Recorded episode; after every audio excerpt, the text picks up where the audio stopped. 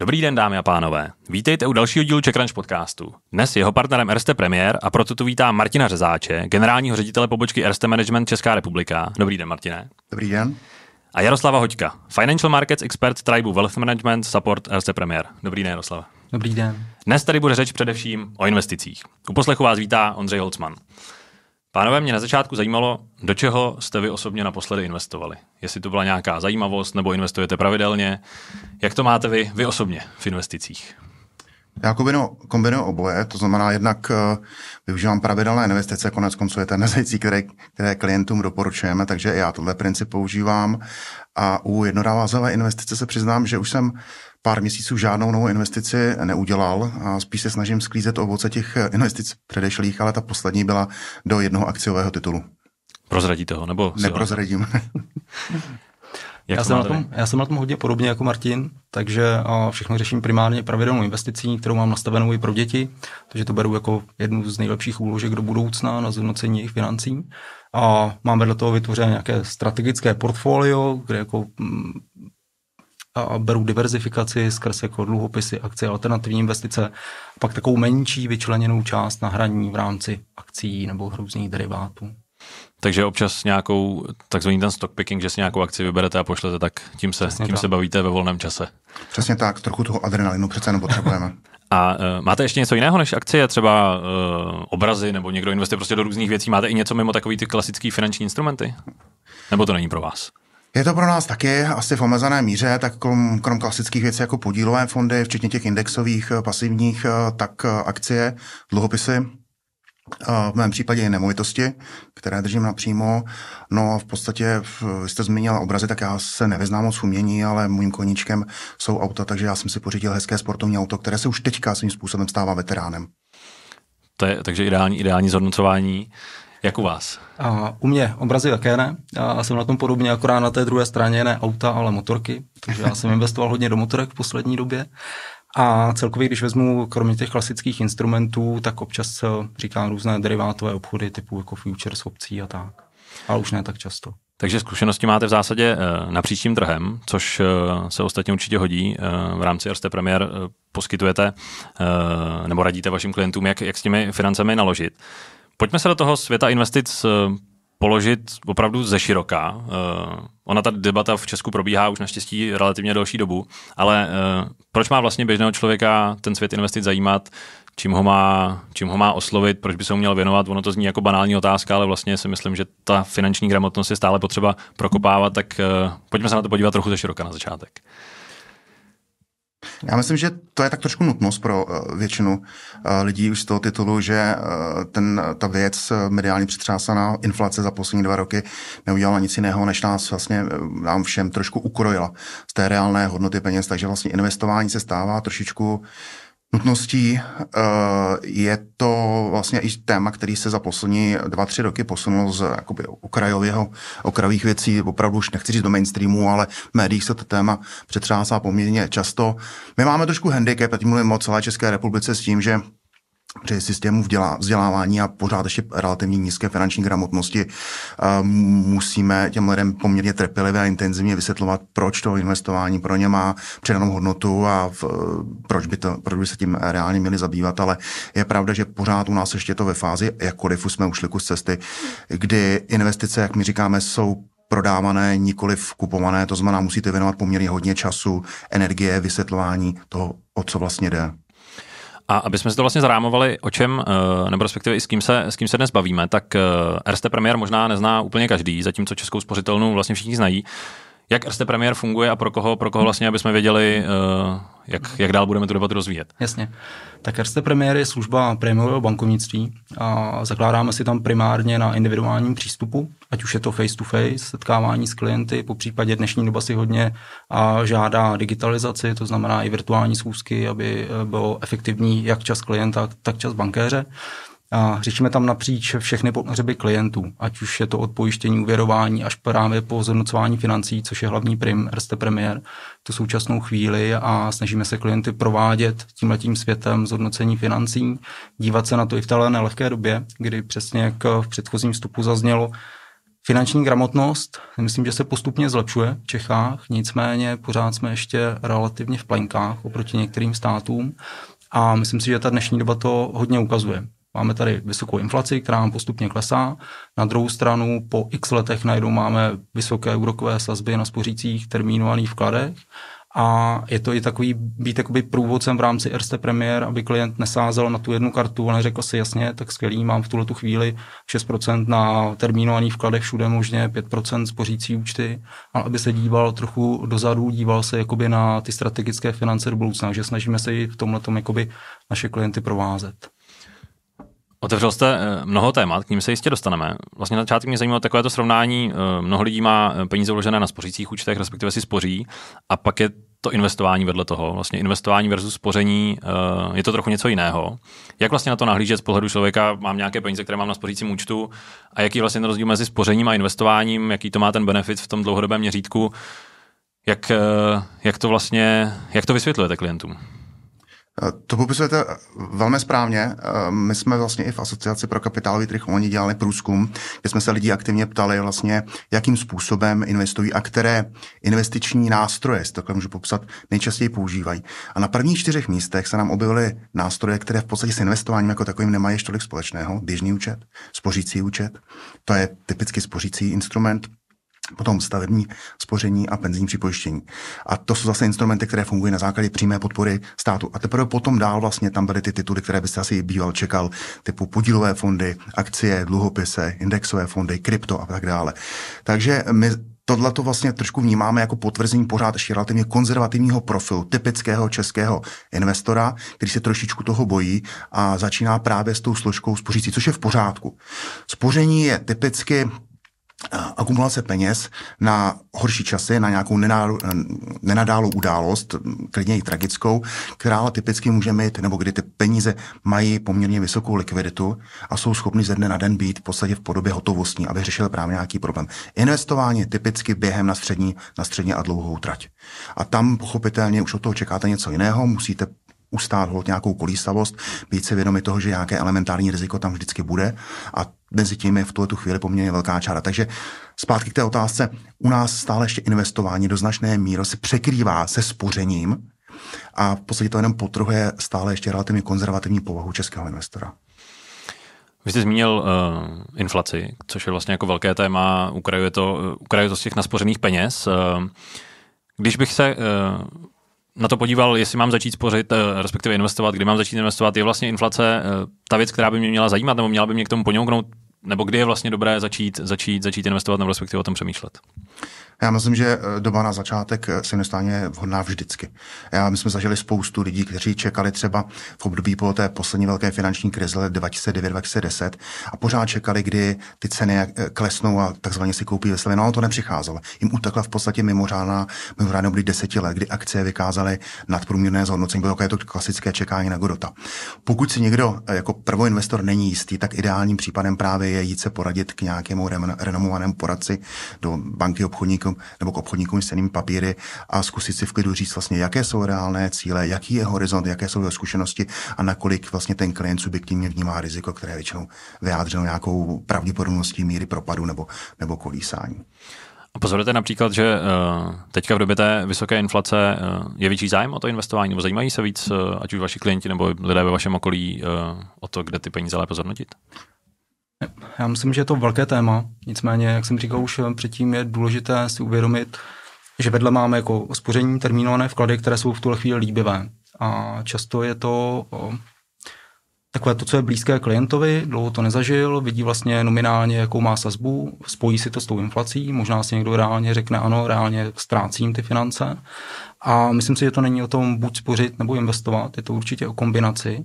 Je to určitě i o různých typech produktů, kdy ta současná doba nám dává větší možnosti na různé typy jako fixně úročených, eh, konzervativnějších nástrojů pro klienty. A myslím si, že vždycky je to o té kombinaci. Není to zvolit si buď a nebo, v téhle době budu jenom spořit, v téhle době budu jenom investovat. Je důležité si uvědomit, že ta kombinace je nejlepší, že si nějakým stylem jako průměruje ten, průměruje ten finální výnos. A hlavně si myslím, že co je na začátku nejdůležitější, celkově si srovnat ty svoje finance říct ano, mám takové portfolio financí, tuhle tu část si můžu vyčlenit na další dobu, tam budu řešit investice, budu řešit to, aby to jako naplňovalo moje očekávání rizika všeho ostatního a pak budu nějakou tu likvidnější, kterou mohu jako věnovat na určité jako likvidní věci, ať jsou to spořící účty, běžné účty, termínované vklady a všechno ostatní. Takže určitě kombinace. Takže zájem o investování se vrátím zpátky k té otázce. Určitě vnímáme pořád, ale mění se strukturově v tomhle. Pardon, když to zjednodušíme, tak v podstatě peníze na to, že se vám pokazí pračka, máte mít na spořícím účtu. Mm-hmm. Peníze na vzdělání vašich dětí anebo na koupy nemovitosti, tak ty máte mít v investicích. Takhle by to mělo ideálně fungovat.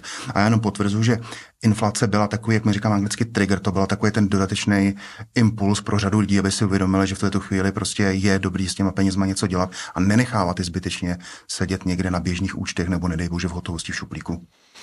Když jsme se bavili ještě před natáčím, tak já jsem si udělal jednu poznámku. Eh, vy jste říkali, že investování znamená dlouhodobé ukládání peněz, které má nějakou kolísavost, ale v dlouhodobém horizontu vám to přinese lepší život v důchodu.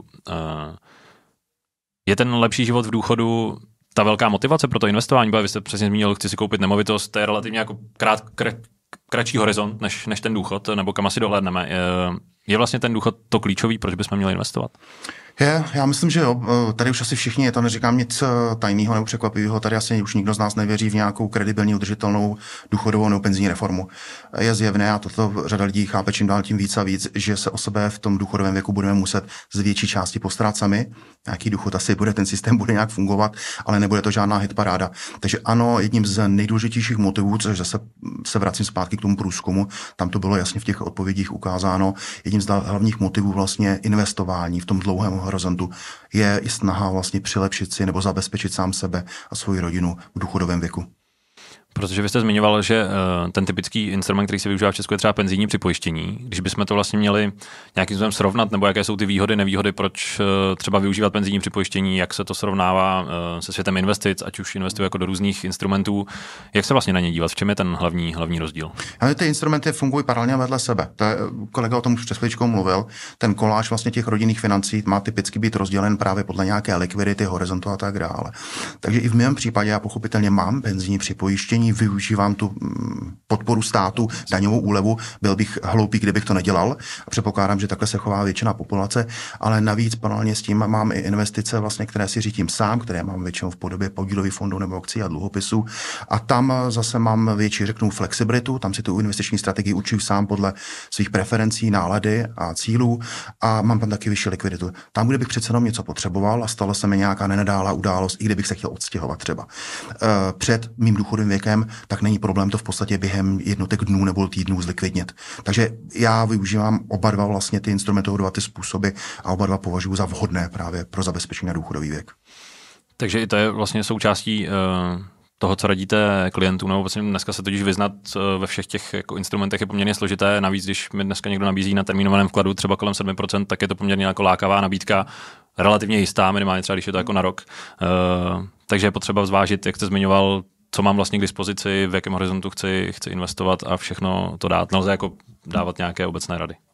Přesně tak, je to tak, takže podívat se celkově na ty rodinné finance, jak už říkali Martin, a opravdu si to rozdělit, rozdělit si ty části a vědět, že ty termínované vklady spořící účty, které nám dáví teď ten úrok, všichni vidíme, jak se chová ten trh, jak se chová inflace, co nám jako indikuje Česká národní banka, jak by se nám měla inflace v příštím roce snižovat a z toho automaticky jako vychází, že nám postupně budou klesat sazby, pokud se nestane něco nepředvídatelného a tím nám budou samozřejmě klesat sazby na termínovaných vklady spořících účtích, účtech. To znamená, snažíme se jako klientům tohleto rozkrývat a říkat, Nemyslete jenom na to, že teď tam vidíte tu šestku, pětku, sedmičku, ale dívejte se na tu budoucnost, protože do budoucna tam nejspíš taková sazba nebude a pro vás bude dobré, když to budete mít nějakým stylem rozdělené a snažíme se jít do toho tématu, co se vlastně stane, pokud klesnou sazby, jaké to bude mít vliv jako na dluhopisovou eh, část toho portfolia a všechno. Protože je taková líbivá hláška uh, porážet inflaci uh, investicemi, jenomže když je ta inflace tak vysoká, jak je, tak je to prakticky nereálné v rámci nějakého jako konzervativnějšího hmm. investování, které v tom dlouhodobém horizontu se vrátí. Takže uh, asi netřeba jako panikařit a dát to do nějakého instrumentu, který mi přesně bude přinášet zhodnocení, nevím, 5 až 10% a v tom dlouhodobém horizontu se mi to vrátí. No. Přesně tak, přesně tak. Uh, jednu věc bychom měli říct, že inflace za poslední rok a půl v podstatě nešlo normálním investováním porazit. Uh, část lidí to nahnalo do rukou různých mesiášů, jak bych to řekl, kteří, kterým nabízeli investice pochybné kvality s vysokou rizikovostí. V drtě většině případů ty investoři ne, nechápali nebo nerozuměli pochopitelně rizikové povaze toho instrumentu a bohužel to si myslím, že v budoucnu to ještě přinese několik, několik zklamání. Ostatně to nebezpečí volatility, nebo nebezpečí ten fakt, že jako na těch trzích je volatilita a je potřeba asi nějaká taky psychická odolnost, nebo hmm. investoři, když poprvé vlastně vstoupí na ty trhy, tak když to padá, tak eh, vyprodávají a podobně. Ehm, jaká je vlastně vaše zkušenost eh, s českým investorem, jak se typicky chová, jestli vlastně to vydrží, nebo vy ho musíte přesvědčovat, teď to ještě neprodávejte, je to v tom dlouho... Umíme to už lépe než třeba, než třeba před lety? Já začnu a nedám slovo kolegovi, který se v tom asi trošku spíš vyzná, protože častěji potkává klienty. Eh, co já vidím, eh, řekněme, na té celorepublikové úrovni, i třeba skrz data přes Asociaci pro kapitálový trh, tak za poslední dvě jakési krize, pokud tak můžu nazvat, tím mám na mysli jednak počátek covidu, ale i třeba eh, předloni začátek vojenského konfliktu na Ukrajině, ty propady na kapitálových trzích byly poměrně krátké a limitované. A to samé jsme viděli právě v té oblasti kolektivního investování. Lidé zdaleka tolik napanekařili, jak jsme se původně báli, a ty zpětné odkupy trvaly poměrně krátkou dobu a ty objemy byly mnohem menší, než jsme si původně mysleli. Takže v tomhle slova smyslu můžu říct, že česká populace kus cesty už ušla, je odolnější, chápe, že investování prostě není zadarmo, jak se říká, there is no free lunch, a že nějaká aspoň elementární kolísavost prostě nezbytně patří k tomu, abyste na tom středně a dlouhodobém horizontu byl odměněn v podobě nadvýnosu. Takže za mě tam určitý posun už vidím. Můžete to potvrdit, Jaroslav. já, já s ním souhlasím. Je tam určitě vidět ten posun a když si vezmeme tu současnou dobu, tak za posledních x let se nám stalo různé jako několik věcí. Ať už to byla, ať už to byl covid, ať to byla válka, ať je to teď inflace, ať jsou to bezprecedentně vysoké úrokové sazby. A myslím si, že ten klient postupně si zvykal, tak jak se díval na tu situaci v covidu a možná v tu danou chvíli říkal, co se bude dít. Nikdo jsme nevěděli, co to vlastně je, jak to bude dál pokračovat, tak možná chvíli mi podléhal jako lehké hysterii. Nicméně potom, když přišla válka, tak většinou už jako bral to tím stylem, ano, tak ta volatilita tam je. Když si vezmeme rok 2022, kdy jsme jako zažili jak poklesy na akciových trzích, ale vlastně téměř stejné poklesy na dluhopisových trzích, kde nám jako dluhopisy investičního stupně spadly o x procent směrem dolů, tak v tu chvíli možná najednou zjistil, že ta volatilita, na kterou si zvyknul u těch akcí, takže dokáže být i na těch dluhopisech. A teď to bylo o tom, jak využít vlastně té příležitosti do budoucna, jak se podívat na to portfolio. Takže určitě se posouváme v tomhle určitě si ta česká investorská klientela zvyká víc a víc na tu volatilitu, chápe tu situaci. Já si myslím, že vlastně jeden z největších zabijáků v investicích jsou emoce. Ve chvíli, kdy přijdou emoce, tak 99% je to špatně. Proto i ta forma pravidelného investování, kde opravdu mám nějaký přebytek cash flow a chci si dávat vedle na ten důchod ty finance, tak tam mě do velké míry odprostí o těch emocí. Takže myslím si, že emoce postupně se utlumují, ale samozřejmě tím, co se dělo, tak určitě jakoby vstávaly víc a víc, ale postupně si na to ta česká klientela taky zvyká.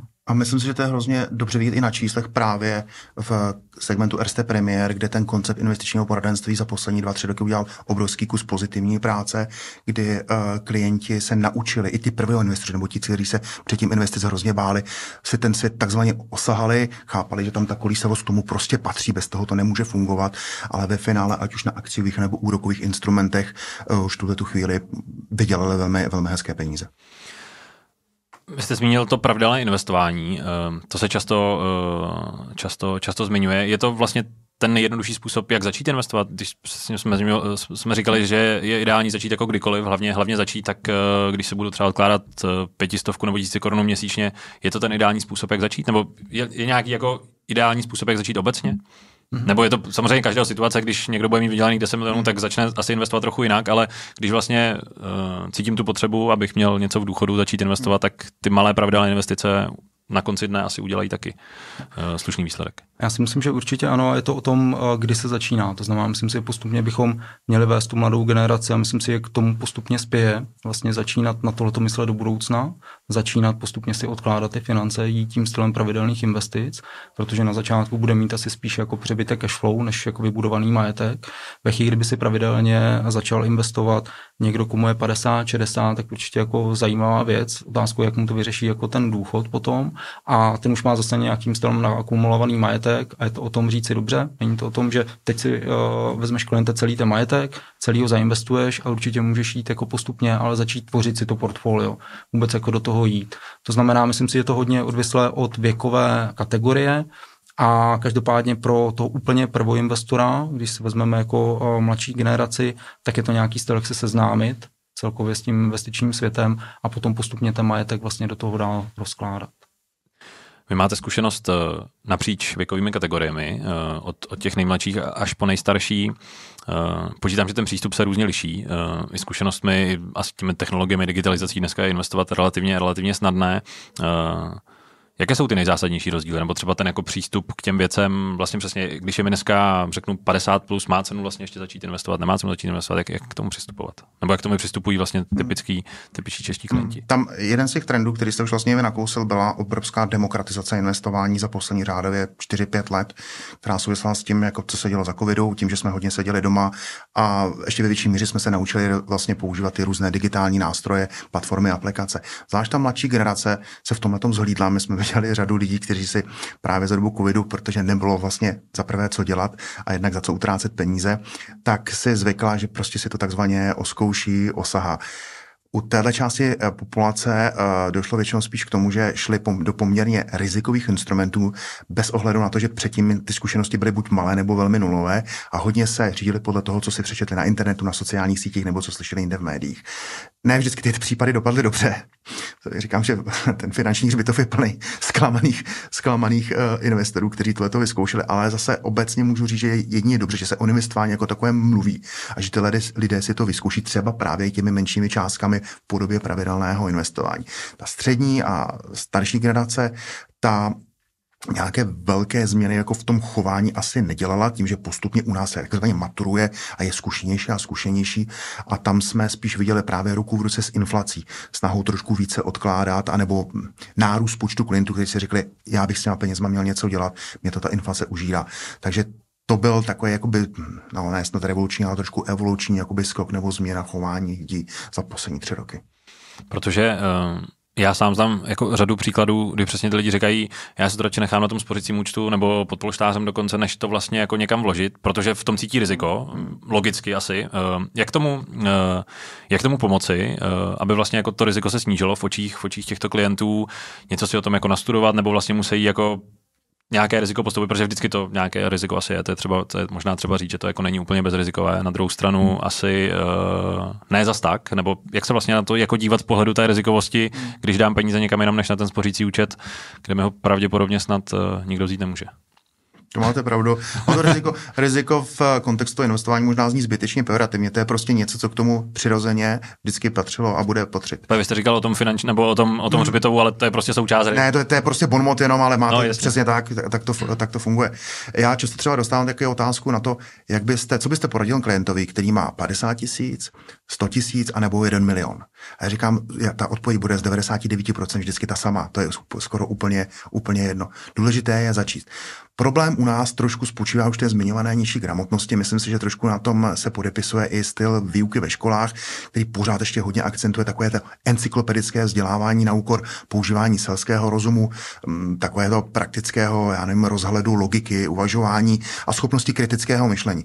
Samozřejmě máte vždycky riziko, když vstupujete jako prvoinvestor na to obrovské pole, že narazíte na nějakého, teď to nazvu v úvozovkách šarlatána, člověka, který vám bude nabízet uh, vysoké nadprůměrné výnosy. Co je vždycky podezřelá, čím by se člověk jako měl trošku uhodit sám sebe do čela, je to, když vám v kontextu srovnání ostatních konkurenčních investičních produktů někdo nabízí zřetelně vyšší výnos, s lepší likviditou, na kratším horizontu. To jsou věci, které prostě nejdou nikdy dohromady. A takových nabídek jsme tady za poslední léta viděli dost. My máme trošku problém s tím, že na jedné straně tady funguje poměrně regulovaný svět kolektivního investování, kdy řada bank, obchodníků s cenými papíry a jiných renomovaných společností si hlavně drží svoji reputaci. Ty vás nikdy nebudou posouvat do něčeho extrémně rizikového. A pak tady máme takovou trošku šedou část, kde se občas vynoří různé instrumenty, které nejsou pod regulací, ať už České národní banky nebo jakéhokoliv jiného orgánu. A tam se bohužel občas ty, ty um, šarlatáni, tak nemůžu říct, občas uh, vyskytují. Bohužel je, pravda je, že reputace, investování nebo kapitálové trhu je jenom jedna. A ti lidé v finále v řadě případů nejsou schopni rozlišovat mezi tím, jestli se baví s mm, oblastí nebo bavíme o oblasti regulovaného nebo naprosto neregulovaného trhu. Jaká je zkušenost eh, s těmi vašimi klienty nebo napříč tím trhem máte velký, máte velký vzorek uh, o tom, že se, že se lidé vlastně jako bojí do toho, do toho světa vkročit? Těžko říct, jestli se bojí, mají... Nebo jestli to je vlastně jako, vůbec ten správný výraz. Mm, Nevím, jestli se bojí, možná jako eh, se znovu seznamují, nebo se seznamují s touhletou částí investic oproti jako těm klasickým jako depozitním produktům. A samozřejmě každý ten typ toho klienta je jiný. Možná se nám mění i, nebo určitě nás se nám mění i s věkovou kategorií, kdy ta mladá klientela, jak říkal Martin, se mm, samozřejmě hodně aktivní, dívá se různě po internetu, hledá, hledá alternativní investice. Nicméně nemyslím si, že se bojí, je to o tom říci, co dokážu snést. Snažíme se nějakým stylem i klientům vizualizovat vlastně možnou volatilitu toho potenciálního portfolia, aby si řekli jasně, pokud jako klesnu o tolik, tak už je to pro mě, že nedokážu spát a to asi pro mě není. Takže snažíme se potom klientům ta portfolia tvořit tak, aby opravdu jako co nejvíc naplňovali obzvlášť ten jejich rizikový apetit. Aby pokud se cokoliv děje, tak aby se nemuseli v noci budit a říkat, tak co teď. Jo, takže to si myslím, že je to hlavní. Že nevím, jestli je to obava, možná v některých případech to není taková jako velká zkušenost s tím tím světem, ale taková ta, takový ten tradiční pohled, který dlouhodobě tady byl. A pokud chceš do něčeho investovat, musíš mít nemovitost. Takhle to tady vždycky bylo.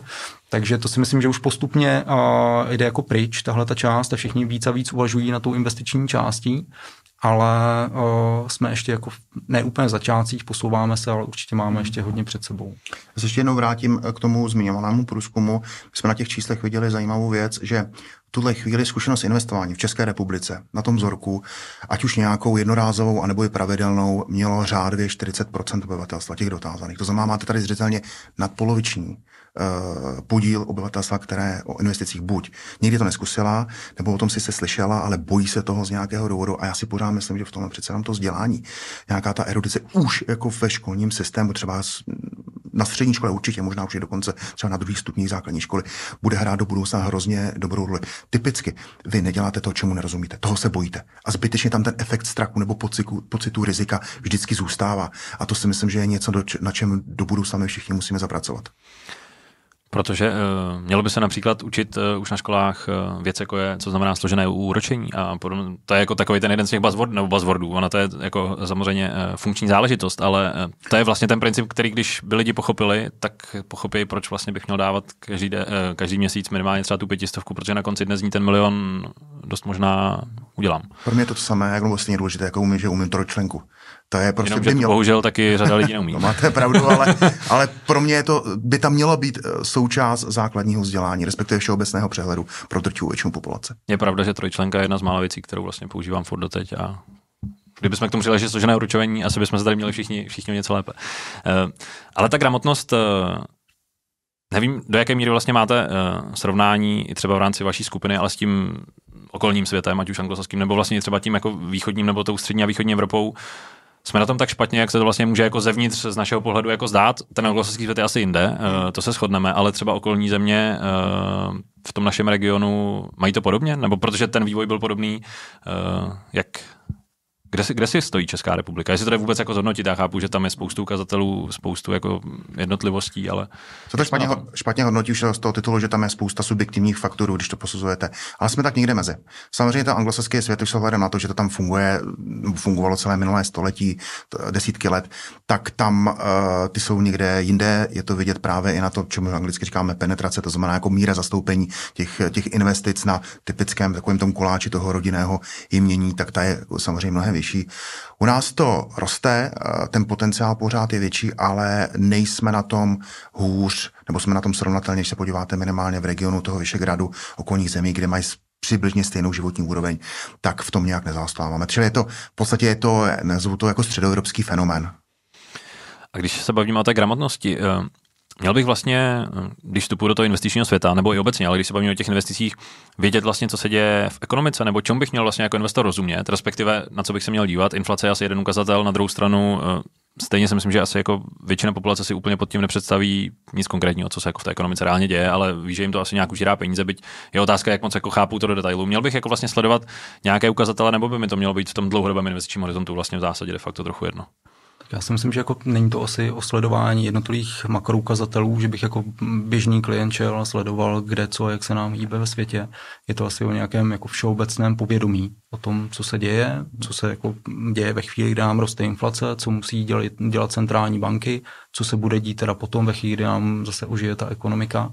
A to vlastně nějakým stylem skládat dohromady. Potom vlastně ten klient zjistí, že ty algoritmy z pohledu jako co se musí dít, nejsou zase úplně uh, raketová věda a dokáže si na tím víc jako uh, představit, jak může fungovat to portfolio, proč teda pokud se bavíme v nějaké situaci, proč větší část dluhopisů, proč menší část akcí a obráceně, podle toho rizikového apetitu klienta, tak tohle si poskládat. To znamená, nemyslím si, že by uh, klient, který chce začít investovat, tak musel si přečíst x sofistikovaných článků a myslím si, že je důležité si s někým o tom popovídat, mít to povědomí, popovídat si a nechat se vlastně to tím světem provést a na základě toho učinit ta rozhodnutí. A ve chvíli je učiním, taky nějakým stylem ne skokově měnit, ale přizpůsobovat to jednak tomu, co se změní u mě z pohledu horizontu, rizika, všeho ostatního, po případě nějakou taktickou alikoci v rámci toho trhu, ale ne měnit neustále ze strany na stranu tu a, strategii, protože to většinou potom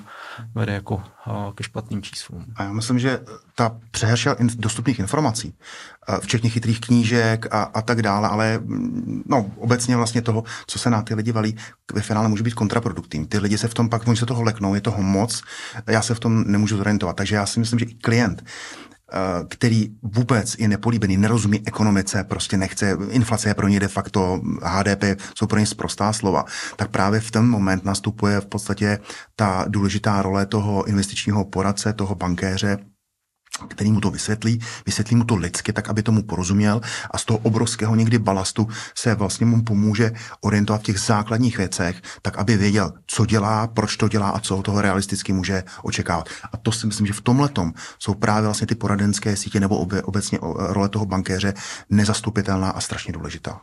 Já to vlastně ještě doplním. Pro každého klienta podle toho, jaký je to typ, tak dokážeme udělat jak jednodušší řešení. Máme klienty, kteří pokud uvidí pět pozic eh, na majetkovém účtu, tak eh, už budou z toho šílet. Dokážeme to vytvořit jednou pozicí, různě například smíšenými fondy nebo čímkoliv a potom dokážeme udělat jako sofistikovanější větší portfolio pro ty klienty, kteří už se orientují nebo mají svůj jasný směr, kudy se chtějí vydávat sektorově. Takže určitě tímhle tím to odlišit. Protože to jsem se chtěl vlastně zeptat, jestli platí třeba pro toho nepoučeného investora, nebo který chce vlastně začít, eh, že je asi pro ně nejlepší, když vám někam dá peníze nebo nějakému správci, to už je jedno komukoliv, a vlastně jako ty peníze nevidí a vy mu možná jenom reportujete, hmm. jak to jde nahoru dolů a možná ideálním případě ani to ne, a pak mu jenom na konci toho horizontu odevzdát ty, ty peníze, protože když jste mluvil o té demokratizaci investování, tak já když dneska přes nějakou aplikaci zainvestuju a budu si každý den otevírat, tak samozřejmě z toho budu nervózní a ty procenta nahoru dolů mi s tím malým číslem jako neudělají nic a já si vlastně budu říkat, jestli to dává smysl. Že? Přesně tak, to říkáte naprosto správně.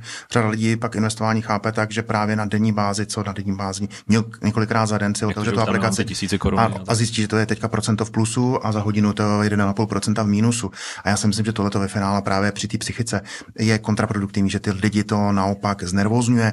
Ne každý má prostě nastavení svého DNA na to, aby měl dobré spaní v okamžiku, kdy mi ta investice udělá minus 10%. To si každý musí říct na začátku. Jak se vám bude spát, když po prvním půlroce budete mi na svém portfoliu třeba minus 5 nebo minus 10%? Budete skákat z mostu? budete, budete, budete spát, budete, co budete dělat, nebo vám to bude jedno. A tohle je ta vlastně, to, ten odhad toho svého subjektivního rizikového profilu, to je ta součástí strategické alokace na začátku, ta tvoří 60-70% úspěchu minimálně. To, jestli se pak zadaří vybrat jednotlivé investiční tituly, na čímž lidé tráví strašného času a emocí, to už je ta malá třešnička na dortu, která vlastně ten investiční úspěch ovlivňuje už relativně málo. A tohle je důležité si uvědomit hned na začátku.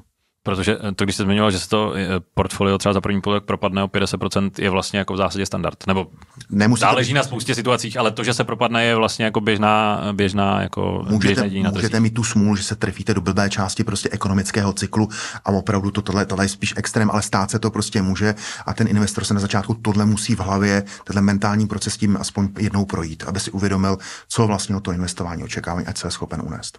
A v zásadě to platí pro de facto každý ten investiční instrument. Že prostě neexistuje taková ta jako uh, garantovaná, garantovaný výnos, uh, což je taky oblíbená hláška u těch šarlatánů často, jak jste zmiňoval. Na slovo, Nic takového zkrátka ve světě investic neexistuje. Na, na slovo garantovaný jsme velmi citliví, nebo respektive až alergičtí. A uh, Když jste zmiňoval, že vlastně ty rady pro většinu klientů jsou stejné, ať už má 50 tisíc, 100 tisíc, hmm. milion, aby jsme si dali třeba nějaký příklad, který přesně z kterého si může vzít jako kdokoliv, ať už do toho uh, vstupuje s jakýmkoliv kapitálem, uh, co je to zásadní, na co by se měl podívat, nebo co vy mu radíte, nebo s čím mu, s čím mu radíte, nebo jestli si říct přesně, já bych chtěl rizikovat více, uh, investovat více rizikově, méně rizikově, nebo je to o tom, kolik jsem tam ochotný vložit peněz, je, je jako jeden faktor, který se pro všechny, pro všechny platí, vlastně na čím se zamyslet, když, když do toho jdu? Já bych řekl, že jsou to ty věci, které už tady zazněly, já to zkusím v rychlosti zesumírovat. Musíte si říct, na jak dlouho jste ochoten ty peníze investovat, na jak dlouho je takzvaně obětujete a nechcete je vidět. Je to tři roky, je to pět let, je to deset let. To je to hlavní. Další věc je to vaše subjektivní vnímání, to jestli s tím máte nějaké zkušenosti a jak se vám bude spát v okamžiku, kdy ta investice prostě těch minus pět v průběhu kalendářního roku ukáže. Třetí věc je, když se stane něco mimořádného ve vašem životě, jestli máte dost likvidních aktiv, právě třeba peníze na spořícím uh, účtu nebo termínovém vkladu, které můžete použít, protože vám uh, klekla pračka, že si potřebujete koupit nové auto, zjistili jste, že chcete moci na exotickou dovolenou. A pokud to máte pokryté, tak pak pochopitelně vám z toho už přirozeně vykrystalizuje nějaká ideální struktura aktiv, která se mění spíš podle toho, na jak dlouho investujete, než kolik máte k dispozici v tuhle chvíli peněz. Samozřejmě s milionem už můžete mít ten, eh, řekněme, ten, tu, tu rodinu těch investičních instrumentů bohatší. Když máte 20-50 tisíc, tak vás to ve finále v drtivé většině případů vlastně navede spíš na podílové fondy, které jsou pro tenhle typ investic a objemu majetku uh, asi ideální. A uh, když mám vlastně těch, dejme tomu 50 tisíc nebo 100 tisíc, to se možná jednodušší spočítá, a je tam přesně nějaké to zhodnocení 5, řeknu 7% ročně, tak to vlastně jako dává relativně uh, málo za ten rok, nebo z pohledu toho vlastně běžného člověka, tak přibude mi tam 7, 7 tisíc korun. Uh, v čem vlastně tkví ten trik a mluvili jsme o třeba složeném úročení v tom dlouhodobém horizontu, uh, jak to vlastně jako vysvětlujete, nebo jak, jak to jako podat, proč by jsem to měl takhle dělat, když tam vlastně každý rok jako uvidím relativně málo peněz, ale na konci, na konci dne se mi tam objeví větší částka. V čem vlastně tkví to kouzlo? Když bychom to trochu rozklíčovali, jak to funguje na pozadí. Mm-hmm. Já si myslím, že je hrozně důležité se dívat na to, jestli se dívám na relativní výnos v podobě procent, anebo na ten absolutní. To je přesně jak říkáte, uvidím, že mi tam přibylo 5000, řeknu si, tak 5000 asi není moc, pořád je to 5%. Pokud se dám do nějaké souvislosti jako dlouhodobé a řeknu, a v, v tu chvíli se dokážu jako zhodnotit, kolik mi nesl historicky spořící účet, termínové vklady, investice a najednou vidím, jako kde jsem. Takže uh, myslím si, je důležité porovnávat na základě toho relativního čísla, abych si vůbec porovnal i ty alternativy, které se mi jako naskýtají. Co se týká celkově toho, co dá smysl, tak určitě se můžeme dívat i na nějaké postupné vývoje toho daného portfolia. Musím si uvědomit, že ano, teď je to 5000, další rok je to 5000, ale postupně i když to bude formou různých reinvestičních podílových fondů, které vlastně reinvestují řád dividendy, které jim vyplácejí ty jednotlivé společnosti, tak mi postupně víc a víc roste ten majetek, dostáváme se právě do toho složeného úročení a snažíme se klientům tohleto vizualizovat, aby viděli, že to není jenom postupně těch 5000, ale jak, jak ta křivka je vlastně prohnutá směrem nahoru s tím potenciálním výnosem, pokud by všechno šlo ideálně ideálně opravdu jsme jako inkasovali 5-7% ročně. Jenom by si uvědomili tohle, jak jsou tam už ty výnosy z výnosů a co jim to může přinést potom ve finále. Takže ano, je to určitě o té vizualizaci do budoucna, ale nejdůležitější na začátku, jak říkal už Martin, srovnat si celkově ten přístup k tomu riziku. Jestli opravdu dokážu klidně spát ve chvíli, kdy budu mít větší volatilitu na tom portfoliu. A uh, Zmiňoval jste, že eh, garantovaný výnos to nemáte rádi, ale počítám, že slovo diversifikace to asi naopak eh, v tom investování platí a bude vždycky platit. To je vlastně taky ten klíč, jak se, jak se, na, to, jak se na to dívat.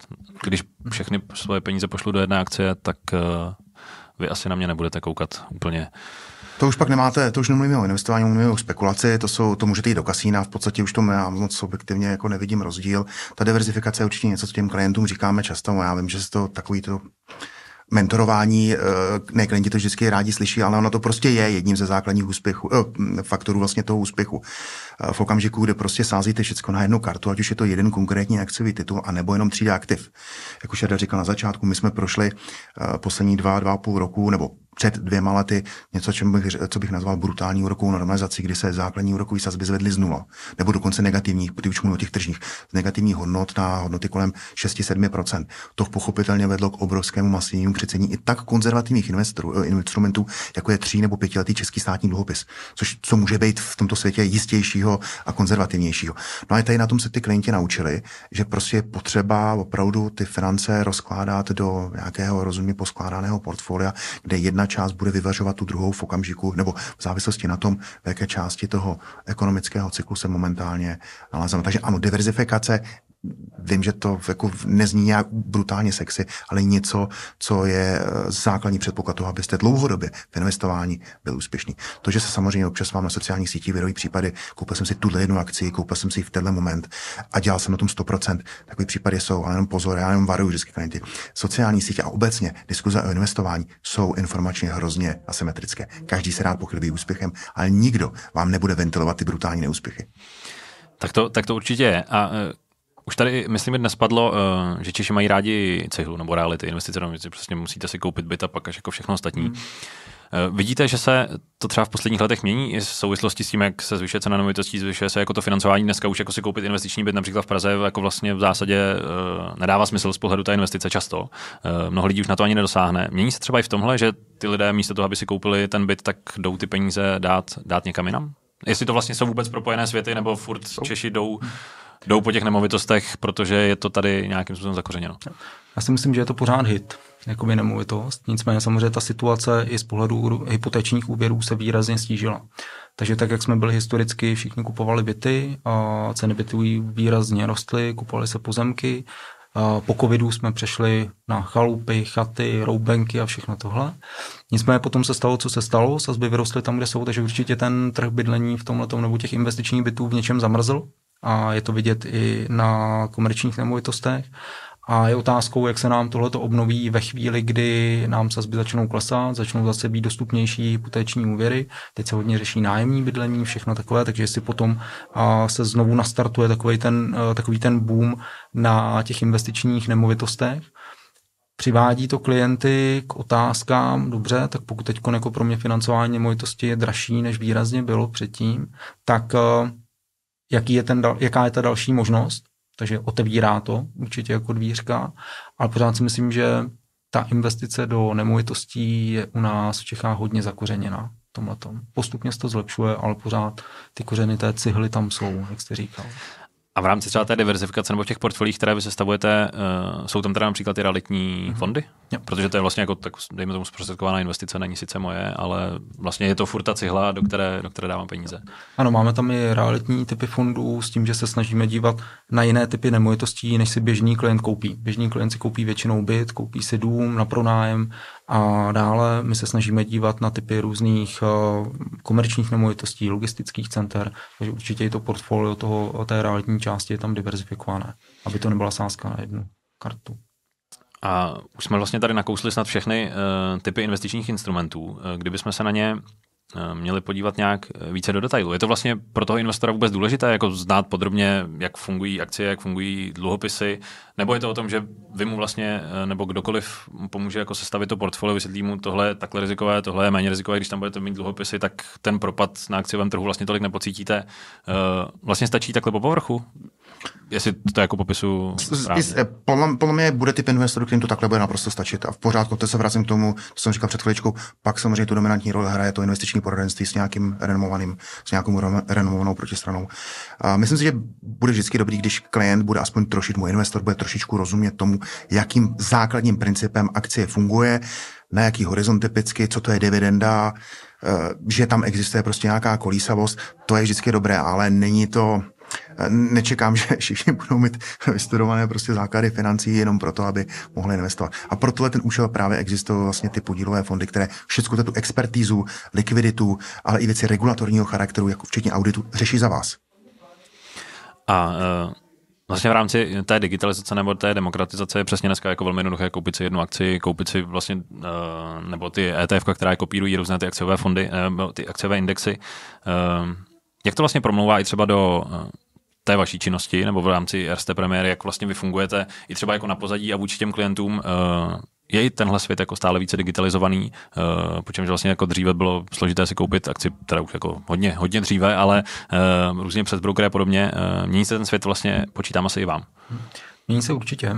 Mění se tím, že se snažíme jít více a více do digitálního prostředí, umožňovat vlastně klientům si cokoliv zrealizovat online, takže se rozšiřují i možnosti v rámci obchodování přes internetové bankovnictví George nebo mobilní bankovnictví, takže klient má možnosti nakoupit jednotlivé akcie ETF a Mimo v rámci jednotlivých akcí ETF nedáváme to investiční poradenství, je to ale nějaká část, pokud si klient chce koupit danou akci, ať už z pohledu dividendy, nebo že je to jeho oblíbený, oblíbený titul, a tak může, může si takhle dotvořit to svoje portfolio, ale pokud se budeme bavit o té strategické části financí, kterou má opravdu jako dlouhodobou, tak to řešíme skrz eh, různá portfolia, která definujeme klientovi a on může mít potom další portfolio, kde si sám nakupuje, ať už spekulativně, anebo, nebo tradičně investuje do nějakých akciových titulů, po případě do budoucna někdy dluhopisů. Což se vracíme na začátek, že i, i vy takové hravé portfolio, hravé portfolio máte. Eh, a už jsme to i naťukli, ještě bych se vlastně k tomu rád vrátil, protože jsem si udělal druhou poznámku, když jsme se spolu uh, předtím bavili.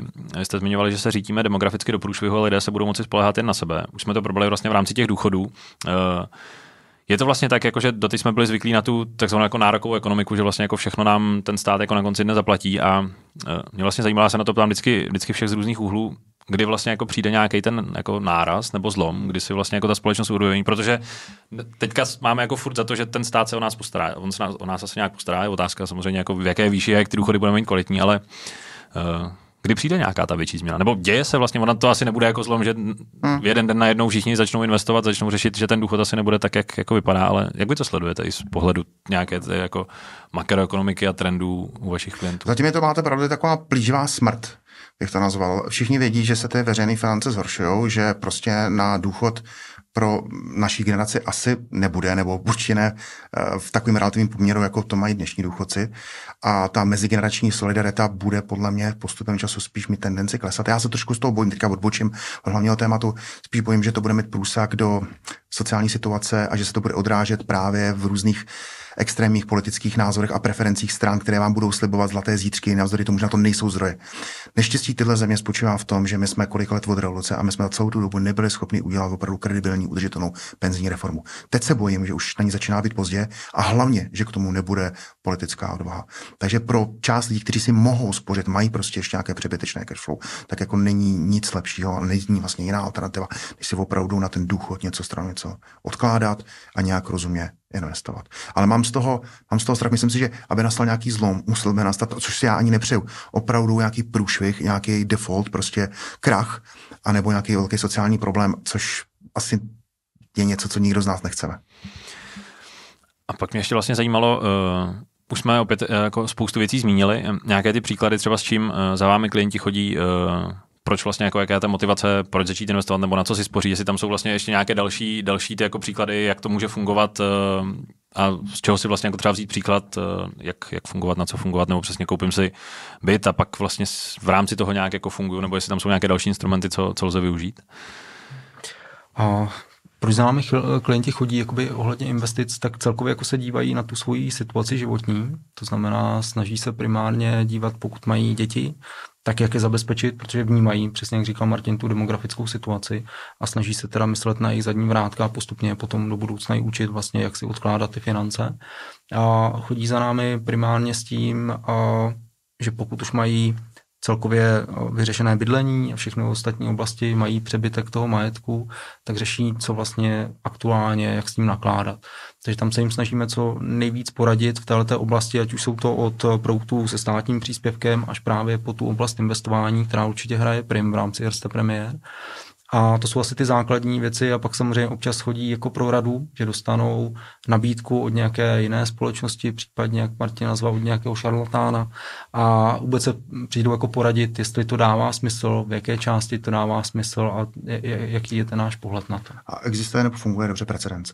Jo, když někdo v vašem okolí, soused, prostě udělal dobrou zkušenost, když se o tom zmíníte třeba i v hospodě, takhle to vždycky historicky fungovalo, tak ty lidi nad tím začnou přemýšlet a řekne, hele, tak se tam zadí, zavolej si tam, zkus tu apku, vyzkoušej to a takhle se to prostě šíří. Vy jste zmínil, uh, jsem měl taky ještě jako téma na probrání uh, spoření nebo investování pro děti, nebo jak vlastně zajistit ať třeba vzdělání a cokoliv, vlastně uh, řešíte to. Uh, pokud se nepletu, tak typicky v Česku vždycky stavební spoření nebo něco takového. Uh, je stále více taky trend vlastně jako investovat dětem. Například, když se navíc tak jako vlastně, když mu budu odkládat od toho jednoho roku zase každý měsíc pětistovku, tak mě to vlastně většinou asi nebude za stolik jako bolet, ale na konci dne on už může v těch 20 letech přijít jako k velmi slušnému základu na cokoliv asi. Hmm. No, myslím si, že to v poslední době je častý požadavek. Tohle to je často jako klienti už řeší děti, jak jim spořit, jak jim investovat do budoucna, takže určitě jako pravidelná investice v rámci dětí je teď jedním z hodně častých požadavků od klientů. A důležité tím dětem to ukazovat, vysvětlovat. Ano. Aby se na tomhle, to i na malý částce typu 500 korun měsíčně, která, jak správně říkáte, nikoho nezrujnuje, tak aby se naučovali prostě fungování té logiky kapitálových trhů. A oni pak už pak v tom věku 18, 20 nebo třeba i po vysoké škole, kdy začnou vydělávat svoje první peníze, tak tomu mají mnohem blížší vztah a přijde jim to normální, přirozené. A takhle třeba funguje ta anglosaská společnost. Protože když těch, dejme tomu 18 letech, vlastně dostanu tuhle tu možnost, tak můžu si ty peníze vybrat, když mi to rodiče umožní, ale vlastně jako ve chvíli, kdy budu pokračovat dál v tom úročení, tak mám jako obrovský náskok jako proti, proti čemukoliv. Ono to vždycky bude zpět, samozřejmě s nějakým tím cyklem toho, toho života. Na začátku prostě typicky spíš se zadlužujete, potřebujete peníze na to, abyste se pořídil první bydlení nebo něco podobného. Ale v okamžiku, kdy se člověk dostává prostě dál a vydělává větší peníze, tak v určitý moment překročíte ten, ten Rubikon, máte pozitivní cashflow a pak s touhle zkušeností historickou se k tomu investování mnohem rychleji a s nás vracíte. Takže uh, vlastně jsme říkali, že penzijní připojištění je to nějaká jako záležitost, která je třeba, nebo je dobrá místo v portfoliu, ale k tomu investovat tak vlastně uh, i s ohledem, s ohledem na děti a uh, to, co jim si odkázat nebo zanechat, nebo jak jako na ně dělat, tak to investování je vlastně i v tomhle, v tomhle bodu klíčové. Že jsem jako mluvil o důchodu, ale vlastně i ty hmm. děti jsou jako podobně, podobně ne palčivá záležitost, ale vlastně jako která, téma, které se řeší prostě v rámci těch peněz. Řada lidí své děti a investice do jejich vzdělání považuje za nejdůležitější životní investice, což je v pořádku. Takže uh, to dává smysl. Určitě, já to vidím minimálně na mém synovi, kterému takhle pravidelně investuji a ten se mě ptá možná častěji, než já se na to dívám, jak to vypadá, tati. Takže. Což je ale, když jsme zmiňovali, že není úplně dobré se dívat do těch, uh, do těch aplikací každý den, tak v tomhle případě je to dobré, protože má o to, má o to nějakou, uh, uh, chce to zkrátka vědět, ať už teda chce vědět, zase kolik tam je peněz, ale na konci dne se přesně naučí, jak ty, jak ty, jak ty pravidla fungují. Pane, aby jsme si to nějak uh, zarámovali, my už jsme spoustu věcí, uh, spoustu věcí probrali do detailu, ale v tom světě investic, uh, jaká je vaše rada, já vím, že vy ani nemůžete dávat jako investiční rady a tak, ale obecně vlastně jako, jak se na to dívat, je to, je to pro každého, to se asi jako shodneme, ale jestli je nějaká, uh, nějaká věc, kterou byste, kterou byste chtěli jako vzkázat, dejme tomu, uh, na ten trh, uh, ať, už, ať už v rámci investic nebo toho, jak k tomu přistupovat, jak, jak se to mění, uh, co by to, co by to bylo? Já bych řekl, ať se lidi nebojí toho investování. To už tady několikrát zaznělo. Ať přitom používají selský rozum. A aby nepodléhali, řekněme, senzace chtivosti některých sdělení, které se nám čas od času v tom mediálním prostoru prostě objevují. Ten svět investování je prostě běh na dlouhou trať. Kdo to vydrží, tak nakonec bude spokojený. Počítám, že vy to můžete potvrdit. Já souhlasím, takže určitě ať nepodláhají emocím, průběhu té doby a dodrží tu strategii, kterou si na začátku stanovili. Skvěle. Tak jo, myslím, že tímto můžeme náš investiční speciál ukončit. Pánové, děkuji. Přeju, ať se vám dál daří a zase někdy na viděnou naslyšenou. Děkujeme za pozvání. Děkujeme. Díky.